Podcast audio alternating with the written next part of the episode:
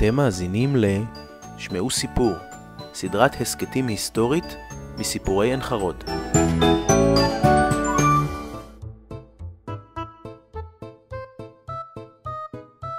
אדמה, כעת סתיו, וכמדי שנה הוא מביא איתו את ריחות זיבול השדות, טרטור הטרקטור הפולח את האדמה, אדמה חומה, חרושה.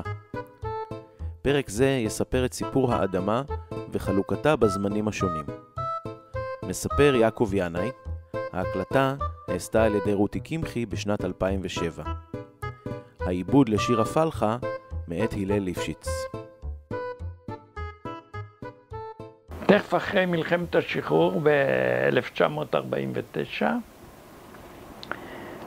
קיבלנו אדמות, אלפי דונמים אה, של אדמות אה, נטושות של אה, ערבים כפריים שברחו והיו לנו כשלושת אלפים או ארבעת אלפים דונם בציפורי.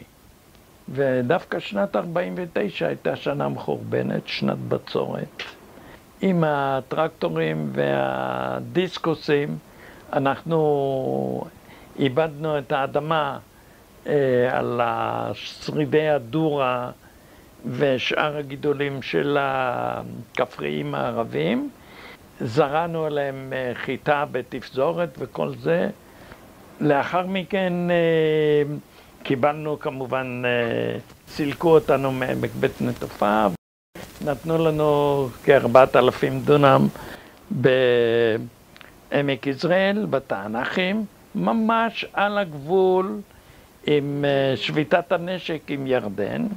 גידולי התבואה עלו מאוד יפה והגיע עת הקציר, בקציר הצהרה, אני לא יודע, אני מביט ככה ואני רואה שמשהו, מישהו קוצר לנו את הצהרה. אחרי ליל הסדר אספנו עשרים חבר'ה עם משאית ועם ג'יפ ונסענו בחצות לתענך. זה היה מחצית החודש, היה ליל ירח, ראינו יפה את הקוצרים הערבים, הקפנו אותם, בכל אופן 12 ערבים נתפסו על ידינו קוצרים, לקחנו אותם עם המגלים שלהם, שקי התבואה שהם קצרו, העמצנו על המצעית ונסענו למשטרת עפולה. זהו, מסרנו את העצורים.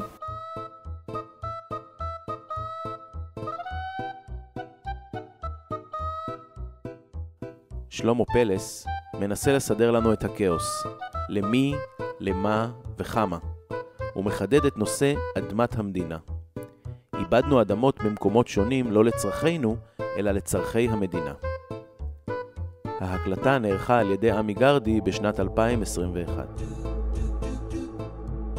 בן חרוד, לפני הפילוג, היה לנו ולתל יוסף, היה כמעט אותו גודל שטח, כ-20 אלף דונם, אם אני לא טועה, וכאשר התפלגנו בשנת, בשנות החמישים וחילקנו את האדמות, נשארנו עם עשרת אלפים דונם, כשתל יוסף, שלא התפלגה, שהמפ"מניקים אז עברו בפילוג לבית השיטה, נשארה עם כל השטחים שלהם, שזה למעלה מ-20 אלף דונם שיש להם עד עצם היום הזה, ואנחנו נשארנו עם עשרת אלפים דונם כמו גם אין חרוד מאוחד. הבעיה הייתה איך מחלקים את השטחים. שני אנשים קיבלו על עצמם לעשות את החלוקת השטחים. אחד מהצד שלנו היה אריה סמילנסקי ז"ל, ומהצד של המאוחד היה משה בן צבי. שני אלה היו פלאחים. סמילנסקי היה בכלל פלאח משכיל, מבחינתי היה, לי היה מורה הוראה לחקלאי אינטליגנטי משכיל, שגם מחזיק בסוף היום עיפרון ורושם מה עשו איפה ואיך ולמה וכמה בשביל להסיק מסקנות לשנים עברו. הם חילקו את הקרקעות של חרוד כולה לארבעת תתי אזורים. אזור אחד זה העמק, כל מה שנמצא מעין חרוד מאוחד עד הגלבוע. האזור השני זה היו השטחים בסביבת המשק, אלה השטחים ממערב לעין בשטחים שלנו פה, סביב, סביב הקיבוץ. באזור השלישי היו השטחים היותר רחוקים קצת, האזור של בין נאעורה לרמת צבי, צפונית לגבעת קומי, והאזור הרביעי היה השטחים הרחוקים, כפרה, אה, מרסס, גוש 576, וחילקו את האדמות בכל אזור. חצי חצי, או לפי האחוזים אנחנו היינו בפילוג, נדמה לי 52.75 אחוז, והמאוחד היו 47.25, אה, אם, אם כבר בפילוג אנחנו עוסקים, אז באמת צריכים היו אנשים כמו אריה סמילנסקי, או זאב לייש הגדול, שיזיזו את הדברים כפי, כפי שיזיזו אותם. לייש היה אז המזכיר, נראה לי שבאחד מהפורים של המשק עוד כתבו על זה שיר עד שבא לייש העיקש רק לגמור העסק ביקש והוא באמת גמר את הסיפור הזה בתור מזכיר חרוד אבל סך הכל זה נגמר בחלוקה טובה. בעפולה היה אחרי מלחמת העולם היו אדמות של נפקדים היו הרבה מאוד יהודים בגולה שהם היו קונים קושונים של קרקעות בארץ ישראל והם היו, והיה להם קושון של שטח סביב עפולה, כל האזור איפה שיושב עכשיו התענכים, היו אדמות של נפקדים במלחמת העולם השנייה. האדמה הזאת חולקה, צריך היה מיד לאבד אותה, ולא להשאיר אותה בור לכל דבר. האדמה הזאת חולקה בין המשקים, כל משק קיבל חלקה מסוימת מתוך האדמות האלה ואיבד אותה, ומדי פעם היה מופיע איזשהו יורש של ניצול שואה או כזה שנשמט בשואה שהיה בידו הקושאן והיה מוכיח בעלות על הקרקע ואז היו גוזרים את החלקה ונותנים לו. ובאמת הצורה של השטח שם לאט לאט הלך והצטמצם עד שזה נגמר אז זה גם היה חלק נכון. העיבודים שעשינו גם במקומות אחרים כמו בבקעת אה, בטן תופעה, בקעת נטופה ובאזור המפרץ אלא אנחנו היינו מאבדים אדמות לא שלנו ולא בשבילנו אלא שוב פעם, אדמות שאחרי מלחמת השחרור, שהתפנו אדמות וצריכה לאבד אותן, אז גם בעבודה הזאת, גם בנגב דרך אגב, אה, אני חושב שישראל עוד סיפר איך הוא נדד עם הקומביין באיזשהו מקום עד לנחל עוז, כן. אז איבדנו אדמות בכל מיני מקומות בעולם, אבל אדמות שלנו, זה כפי שתיארתי אותם בחלק הזה של הפילוג. ובאותו העניין, צביקי נור, פעיל באגודת המים, מעלה חוויות מאותה תקופה. ההקלטה נערכה על ידי עמי גרדי בשנת 2021. עין חרוד הייתה קיבוץ גדול, אבל הוא התחלק לשניים. ולכן הוסיפו לו יחידות משק. ההתיישבות הוסיפה יחידות משק, אבל כשחילקו, כל אחד מאיתנו היה יותר קטן מתל יוסף. עין חרוד ביחד הייתה יותר גדולה מתל יוסף, אבל כשהיא חולקה לשניים, היא הייתה יותר קטנה מתל יוסף. עד היום, האחוזים באגודת המים, לעין חרוד יש 13, לתל יוסף יש 18. לכל אחד מעין חרוד, אם יש 13, לתל יוסף יש 18. היה לנו קרקעות בעמק, בדרך, בעמק חלק מהשטחים היו מטעים, וחלק מהשטחים היו אה, שלחים, והיה את כל הקרקעות למעלה שבעצם היו קרקעות לא מושקות ולכן היה, היה פחות חשוב הקשר למערכת. אז בעמק פחות או יותר הקיבוץ המאוחד קיבל את המזרח ואנחנו קיבלנו את המערב מהדרך לפרדסים.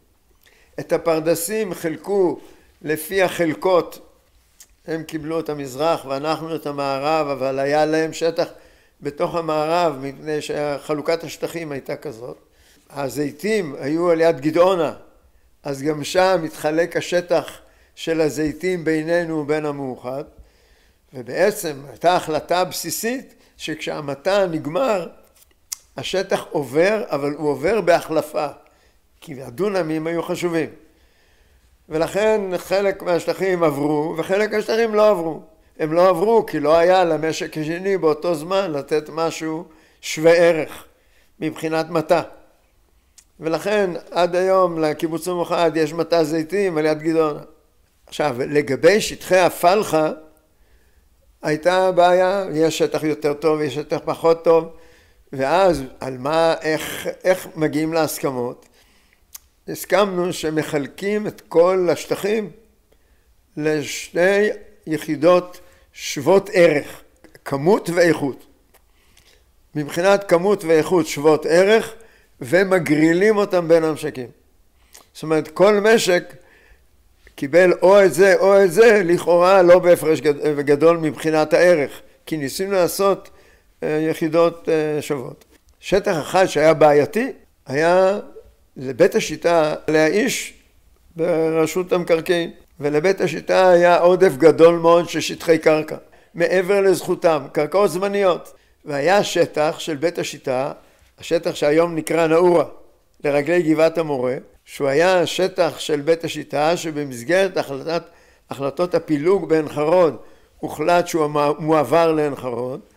לפי המיקום שלו הוא היה צריך להיות בשטחים של האיחוד לבטח בית השיטה איבדה את השטח וכשהגיעה עונת הזריעה ואמרו להם אה, השטח עובר אז הם אמרו רגע אחד אנחנו ניחדנו את השטח אנחנו גם אה, נזרע אותו.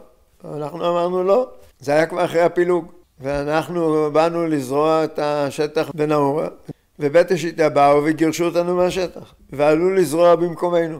ואז אנחנו חזרנו הביתה ואז הייתה מה שקראו אצל הערבים פזעה שכולם זה משאית שאספה אנשים אין חוות מאוחד זה היה כמעט בסוף הפילוג ש...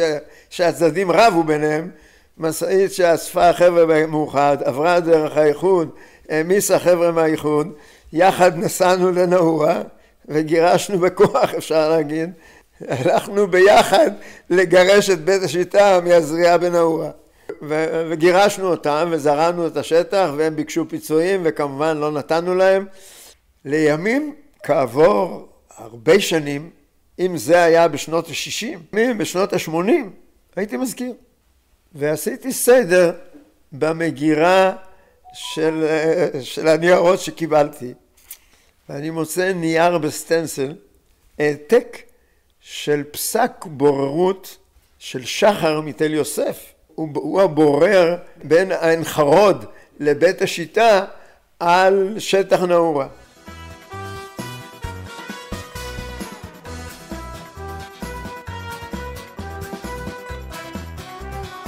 יש כמה, כמה חלקות במדרונים של אבלק ושל נאורה שהם שטחים שהם לא מי יודע מה שטחי פטויים אבל הם ניתנים לזריעה עם הכלים שלנו.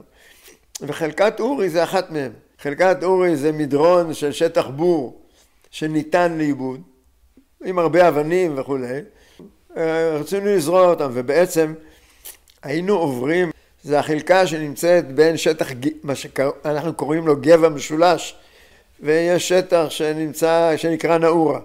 וביניהם יש פס די רחב של שטח שניתן לזריעה. הרבה מאוד בזלת, ובזלת מאוד רדודה, כך ששטח הוא לא כבר מתאים לשלחין, יכול להיות שהוא מתאים למטע, היום את המטעים נוטעים על השטחים, מאחר ומשקים בטפטוף אז אין בעיה של אה, עובי הקרקע, להפך, הקרקע מאובררת מאוד, הבזלתית היא מאובררת מאוד, לפעמים היא טובה לגידולים. שיר הפלחה בעיבודו של אילון אבירם, מתוך פרויקט חידוש שירי עין חרוד משנת 2021. שירה שירה, שיר תפארת לעיקר,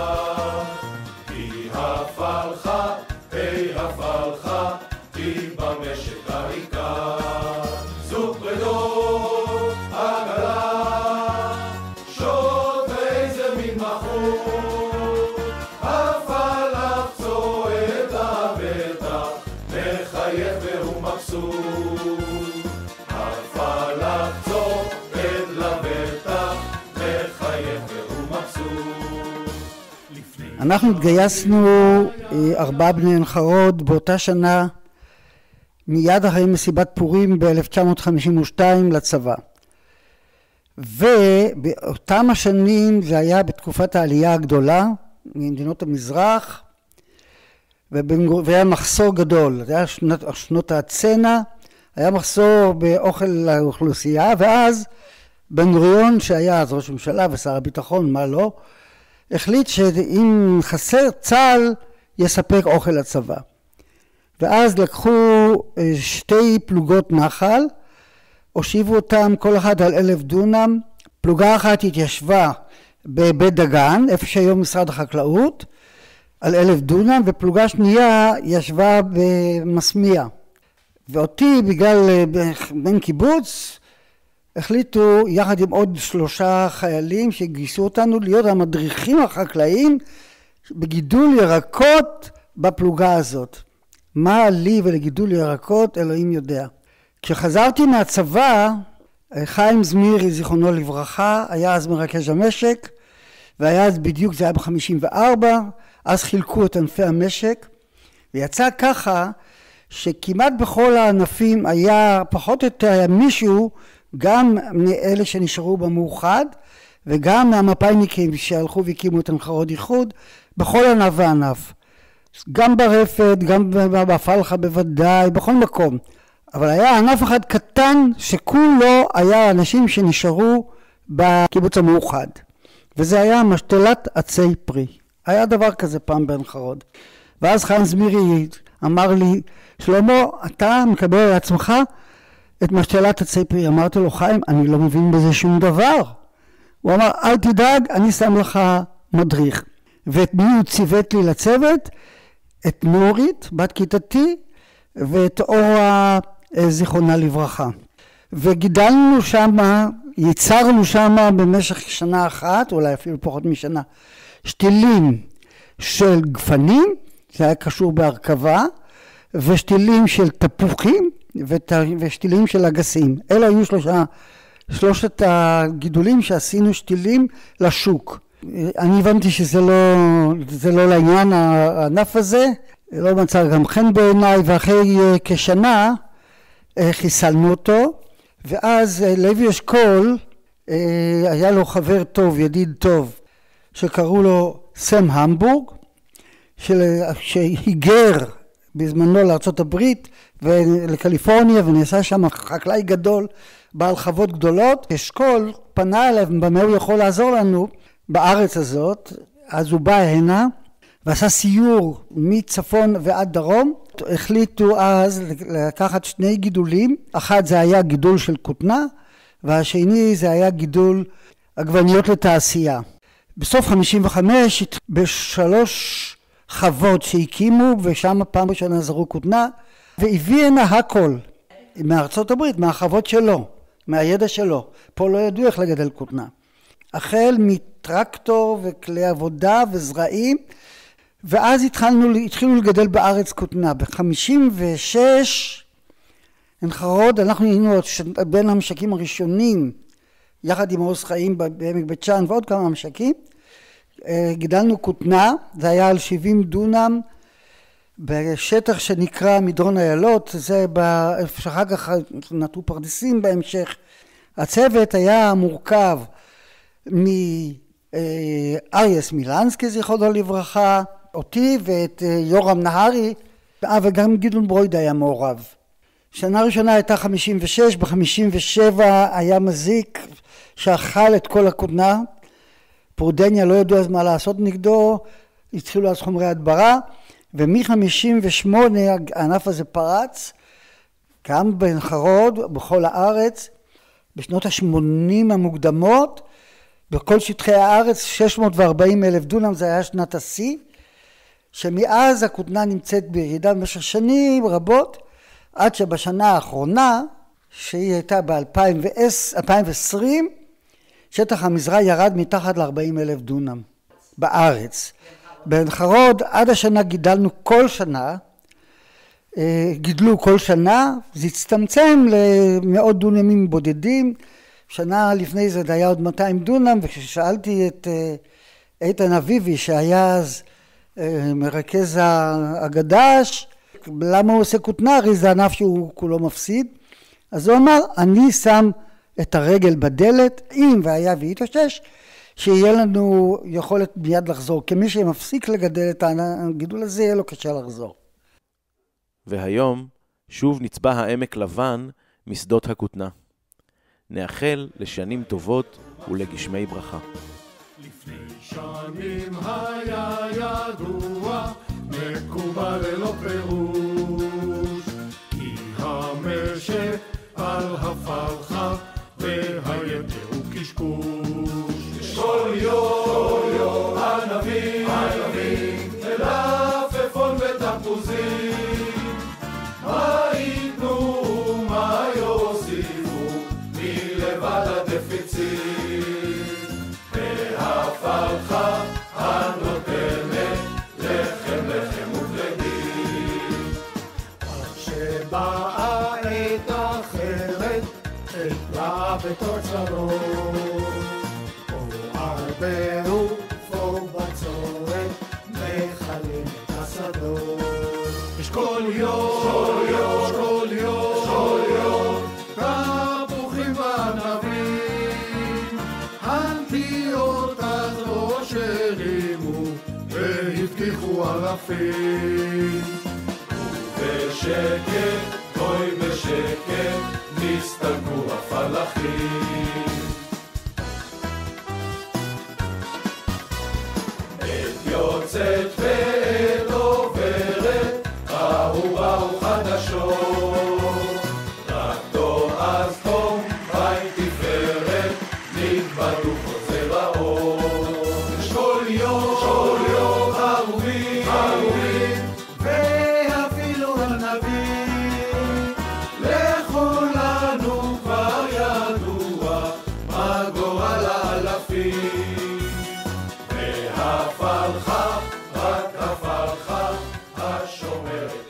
האזנתם לפרק נוסף של סדרת ההסכתים שמעו סיפור, המביאה אליכם את הקולות, הדמויות והסיפורים מהעבר. נתראה בפרק הבא.